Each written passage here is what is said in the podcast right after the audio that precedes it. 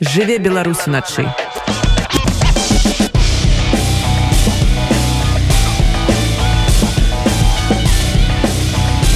Беларускія ноцы.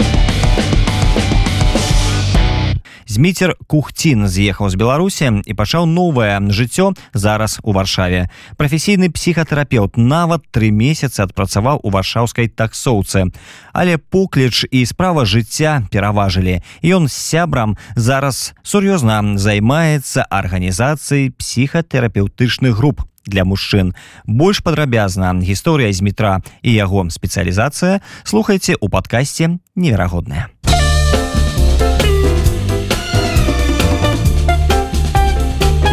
невероятные. Меня зовут Дмитрий Кухтин. Да, я сейчас нахожусь в Варшаве. Сейчас на данный момент это мое уже третье высшее образование. Оно психологическое. Ну, я продолжаю в нем развиваться, учиться. Психотерапевтическое. Я на психотерапевта, да, доучиваюсь. Я психолог, психотерапевт. Если брать психотерапевтическое, у нас обычно это называется некими специализациями. Кто специализируется на каких-то вещах, с чем может работать, с чем есть какой-то опыт. Когда я работал в реабилитационном центре, да, у нас были скорее пациенты, потому что это медицинское учреждение. Сейчас это все-таки называется клиентами. Ну, клиенты приходят с разным. То, что, с чем сейчас приходят, это клиенты с различными проблемами от переезда, это с тревогой после иммиграции, с какими-то потерями, потому что они проживают потерю все-таки чего-то. Когда человек переезжает э, в другую страну, ну, он что-то потерял. Он там расстался со своей родиной, с домом, с какими-то, с кем-то из близких, возможно. Как это прожить, как э, снова найти какие-то новые опоры, как э, почувствовать себя устойчиво в новой реальности, в другой стране, как адаптироваться. Вот с этим, например, приходят. Часто приходят с кризисами какими-то. Человек же в процессе жизни переживает еще не э, различные кризисы. Это могут быть кризисы там в паре, в отношениях. Это может быть там то, что, например, мне 40 лет, я сейчас там в кризисе среднего возраста, который называется но этот кризис, он же там, не ровно в 40, он может там плюс-минус там 5 лет где-то быть.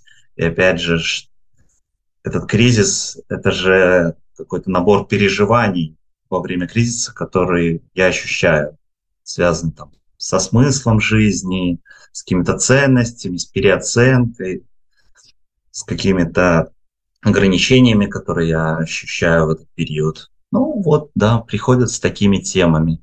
Приходят, э, когда не могут разобраться там с отношениями в паре, например, с конфликтами, помогают тоже с этим разбираться в семейных отношениях. Да, по большому счету, многие приходят за моим каким-то опытом и ищут поддержки в различных сферах. И тогда вот мой опыт там, предпринимательства, который у меня был, опыт, там, не знаю, моих отношений семейных, опыт отношений мой, мой с детьми.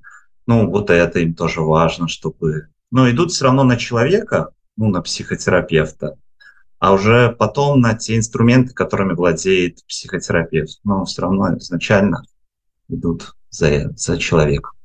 А як яны вас знаходзяць? Ну, в Польше у нас есть э, сообщество психотерапевтов. То есть, если приходят какие-то клиенты, кто-то кого-то не может взять, какого-то нет какой-то специализации или опыта работы с некоторыми темами, он рекомендует кого-то. То есть, да, основное это работает все-таки сарафанное радио. Есть различные ресурсы. Я на одном из таких ресурсов это сайты по подбору психологов. То есть там размещается анкета, и все, и уже человек приходит, ищет себе помощь, и из списка психотерапевтов, там на этих сайтах еще зачастую есть анкетирование, чтобы более-менее выявить, какой у человека запрос. И когда уже там выявили запрос, предлагают какие-то специалисты. Ну, вот таким образом обычно происходит опыт. Ну и, конечно, соцсети, то есть, ну, Инстаграм – это хорошая площадка, Фейсбук – площадка, где можно рассказывать о своей экспертности в темах, предъявляться, и оттуда тоже приходят. Я веду что у вас есть досвед працы таксістам у польскай таксоўцы гэта была неабходнасць ну то бок просто патрэбны былі грошы ці гэта быў такі своеасаблівы псіхалагічны эксперимент над собой да и было и любопытство ну у меня всегда было такое вот как что такое работа таксиста и вот как они там работают как это происходит. Когда-то я помню фразу моего дяди он сказал что если хочешь познакомиться с городом то лучше пойти в службу такси фразе, наверное, которая у меня в голове, наверное, лет 30. И вот это было, с одной стороны, любопытство, с другой стороны, некая тревога, потому что я приехал в новую страну.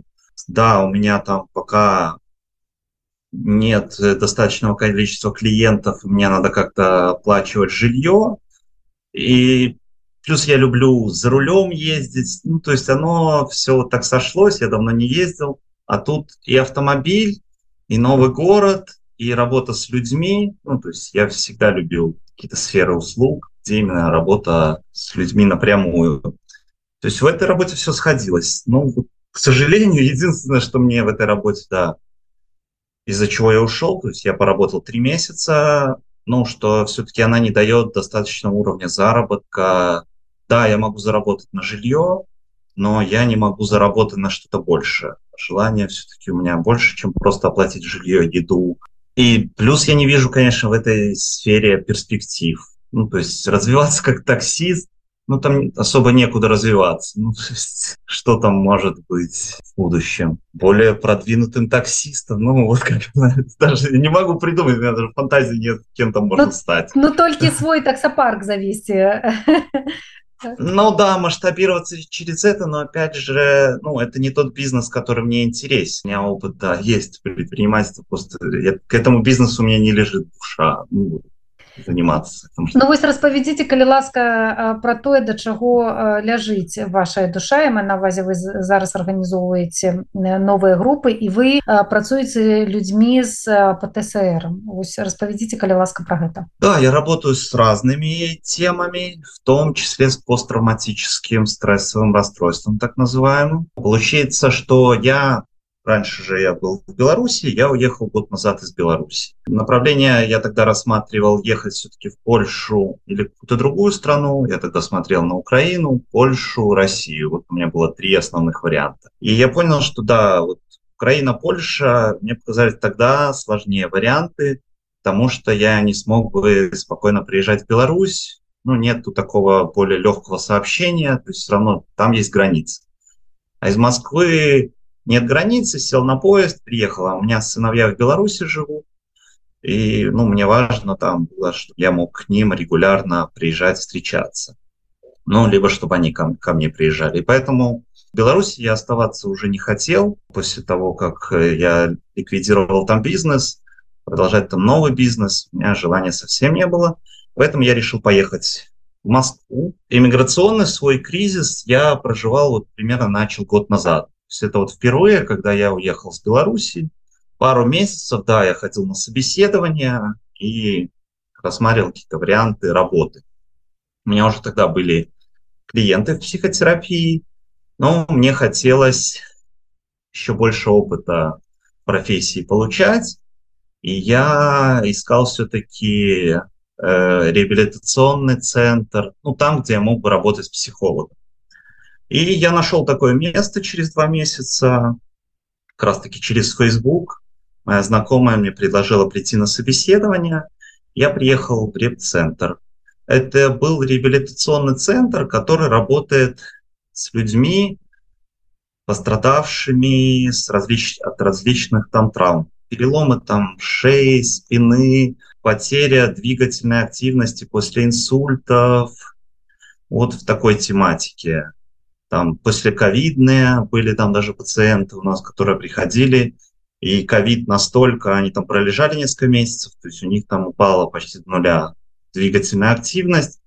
И вот в реабилитационном центре работало несколько специалистов с ними, физический там терапевт, это занятия регулярно физические, там врачи, врач, понятно, эрготерапевт, это который помогал человеку как-то обеспечить себе дома, улучшить пространство, эргономику в квартире, чтобы больше доступных вещей стало. в обстановке.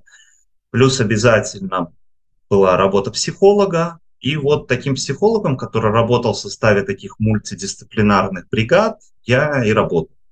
И вот там уже я начал работать вот с клиентами, у которых, да, было вот это посттравматическое стрессовое расстройство. И поэтому там вот этот опыт, который я там три месяца провел, ну, мне так дал такое развитие в этой сфере. И поэтому, да, я сейчас я так достаточно уверенно беру клиентов с этой темы, потому что понимаю, с чем они сталкиваются. Ну я думаю что у сувязі з вайной людзей вось з гэтым дыягназам становіцца ўсё больш і гэтая колькасць яна ну, пэўна будзе толькі павялічвацца. Як праводзіць такую самадыагностику можа? На што звярнуць увагу? Як зразумець што неабходна дапамога і неабходна ўжо звяртацца да спецыяліста што сам ужо ніяк не выглядзіш? Ну, э, да вы правильно сказали что таких клиентов сейчас людей с ПТСР будет огромное. Ну, их уже, просто еще пока они за помощью не обращаются. И вот в этом регионе Россия, Беларусь, Украина будет огромное количество, и это количество сейчас будет только нарастать. Как продиагностировать? Ну, большинство тех, кто людей, кто видел насилие, присутствовал рядом, попал там под некие военные действия, это зона риска и возможность развития ПТСР. То есть там этот риск, он больше 90%, и поэтому большинство все равно с ним каким-то образом столкнется. Как продиагностировать? Самый основной показатель – это если человек прям ощущает, что у него упало качество жизни. То есть у него изменились уровень каких-то желаний, которые были раньше, своих каких-то э, меньше смыслов стало там в развитии, в отношениях, э, в работе. Это если он испытывает да, ночные кошмары регулярные, то есть на регулярной основе, или там бессонницей мучается, потеря аппетита, вот это тоже показатели. Опять же, там какие-то телесные проявления, которые могут э, проявляться даже там в снижении иммунитета, то есть частые болезни, это тоже может быть таким симптомом, что что-то происходит не так, и в идеале обратиться к псих... ну, специалисту. Конечно, люди, которые уже до этого ранее получали некую психотерапевтическую помощь и уже более-менее там осознают, что с ними происходит, они обладают обычно достаточно высокой, высшей степенью и самодиагностики. То есть они уже понимают, что что-то не так, было вот до этого так, сейчас изменилось. Они чаще и приходят потом те люди, которые до этого никогда не, не знали, что есть такой формат помощи, за ним можно обращаться, обычно все-таки пытаются это прожить сами, сталкиваются да, со своей какой-то депрессией, там, апатией, и думают, что там надо время, а зачастую ну, в одиночку можно пройти, несомненно, справиться самому, но просто с помощью это можно пройти быстрее и с меньшими какими-то потерями. вы арганізуеце зараз э, мужчынскія групы распавядзіце что гэта за группы да вот сейчас когда я там в варшаве ну, мне хочется работать также там по специальности психотерапевтом и мы с моим другом коллегой решили ну, потому что мы понимаем сложности этих иммиграционных процессов которые происходят там со мной насколько сложно адаптироваться к новой реальности и ну я чувствую в этом силу помочь другим мужчинам справиться с этим же. Да, я работаю обычно в практике с мужчинами и женщинами, но вот сейчас мы конкретно набираем пару мужских групп. Одну э, в онлайне, одну очную в Варшаве. И чисто мужскую.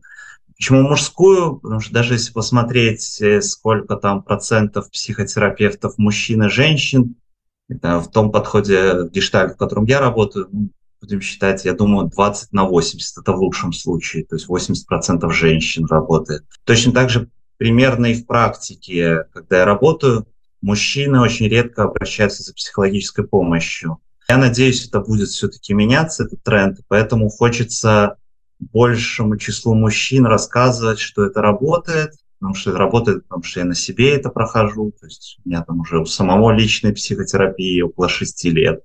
Точно с помощью этого можно жить и развиваться и проходить какие-то сложные периоды в жизни. И поэтому хочется поддерживать мужчин, потому что проживать эмоции наш, ну, как-то показывать их разные. То есть, да, нас приучают, что мужчина что-то должен, а вот мало учат тому, что мужчина может и слабым быть, и может и плакать, и испытывать некую печаль, грусть. Вот это скорее под неким запретом всегда было.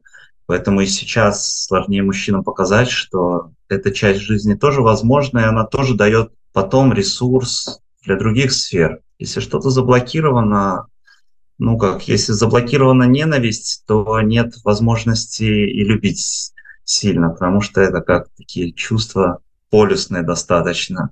Если не дать себе где-то пережить ненависть, невозможно также дать себе где-то и более полноценно любить. Ну вот, поэтому помогаем таким мужчинам, собираем сейчас группу с такой, с надеждой, что мужчины будут приходить и обращаться за помощью. Ну, я вот уже немного про это рассказал, да. Это все идет из нашего советского еще прошлого, что психолог – это уже совсем ненормально, то надо идти к психологу. Многие ведь знают способ мужчины. Если напряжения много в жизни, если что-то трудновыносимое, я какая обычная схема. Я пойду встречусь с друзьями, и мы там напьемся алкоголя. Ну, этот выход как бы известен, он активно еще и поддерживается на телевидении, не знаю, в кино, вот такой способ там покурить, э, выпить. А попробовать осознать, что в этот момент со мной происходит, а что я там испытываю, тревога, по поводу чего я тревожусь. Такой схемы как бы мало кто про нее знает, потому что про это не учат в школе в том числе. Я думаю, что начинать как раз нужно оттуда. Потом мужчина такой вырос до уже некого взрослого возраста, сталкивается с кризисом среднего возраста, приходит к тому, что все, что там раньше было старое, уже не работает, а он не знает, как дальше, и более того, он не знает, с кем об этом можно поговорить.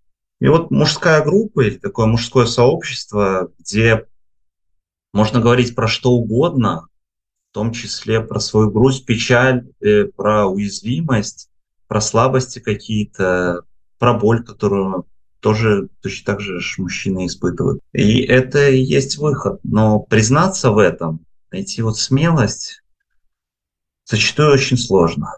Есть большой пласт уже мужчин, у которых там э, их э, партнерши, женщины уже там обращались за психологической помощью. И зачастую они как раз подталкивают мужчины, помогают им сделать этот первый шаг в психологию, когда говорят, что ну, я много случаев знаю, когда они сами рекомендуют, слушай, может, пойди тоже там на какую-нибудь группу подходить. И вот так мужчина однажды придя, потом остается и как-то, и качество жизни улучшается. Потому что, к сожалению, в том же реабилитационном центре я видел мужчин, которые ну, ломали себя. Вот это долженность, долженствование работа, и в основном это приводит к инсульту.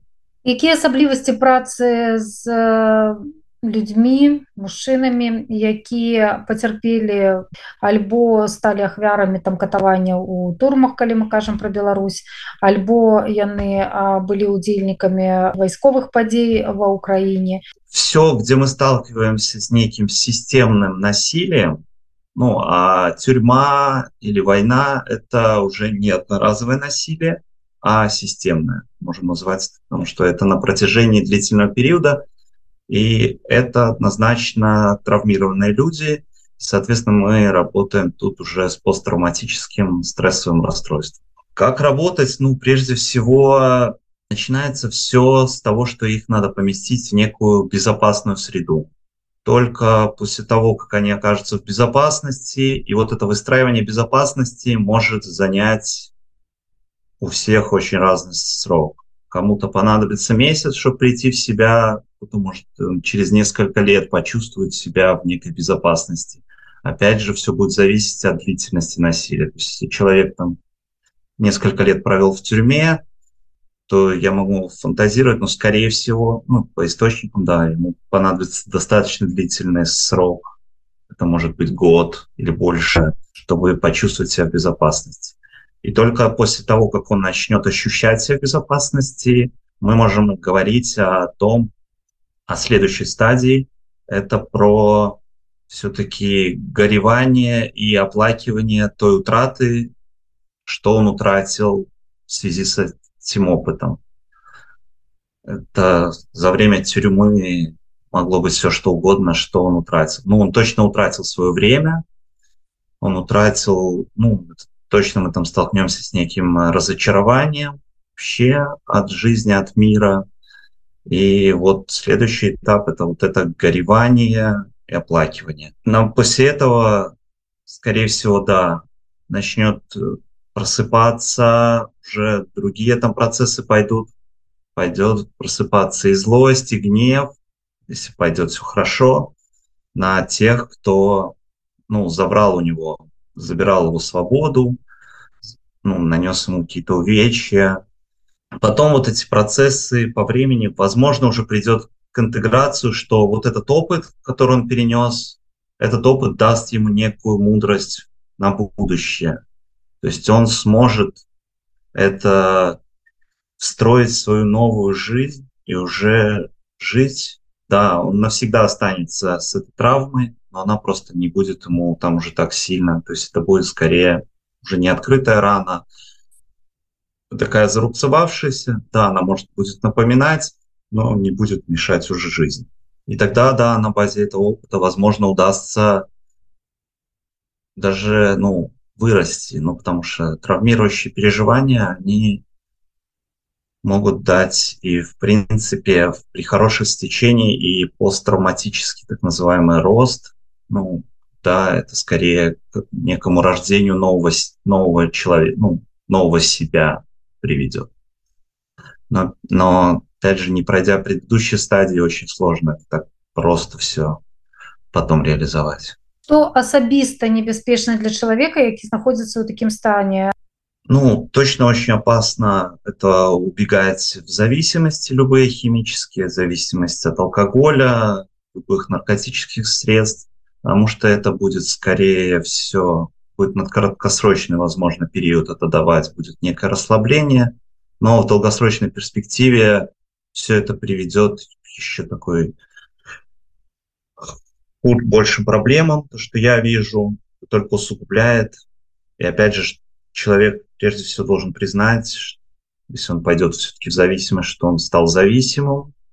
И мы тогда будем говорить, что сначала придется все-таки остановить эту зависимость, а только потом уже можно будет э, приступать к некому лечению посттравматического стрессового расстройства. Можно это будет и параллельно, конечно, вести, но точно, если он останется зависимым и будет находить именно такой способ, как справляться, то психотерапия, ну, результаты и эффективность будет сильно снижаться. Як вас можна знайсці калі э, хтосьці з наших э, слухачоў альбо чытачоў портала э, захоча до вас звярнуцца? Як э, вас знайсці? Як с вами скамунікаваць я есть в фейсбуке дмитрий кухтин. Да пишите можно написать туда. Я есть в инстаграме э, дмитрий кухтин псяй ну змитер кухтин там меня можно по этому знайсці все обращайтесь э, готов вас проконсультировать, это подсказать, в каком направлении, действовать.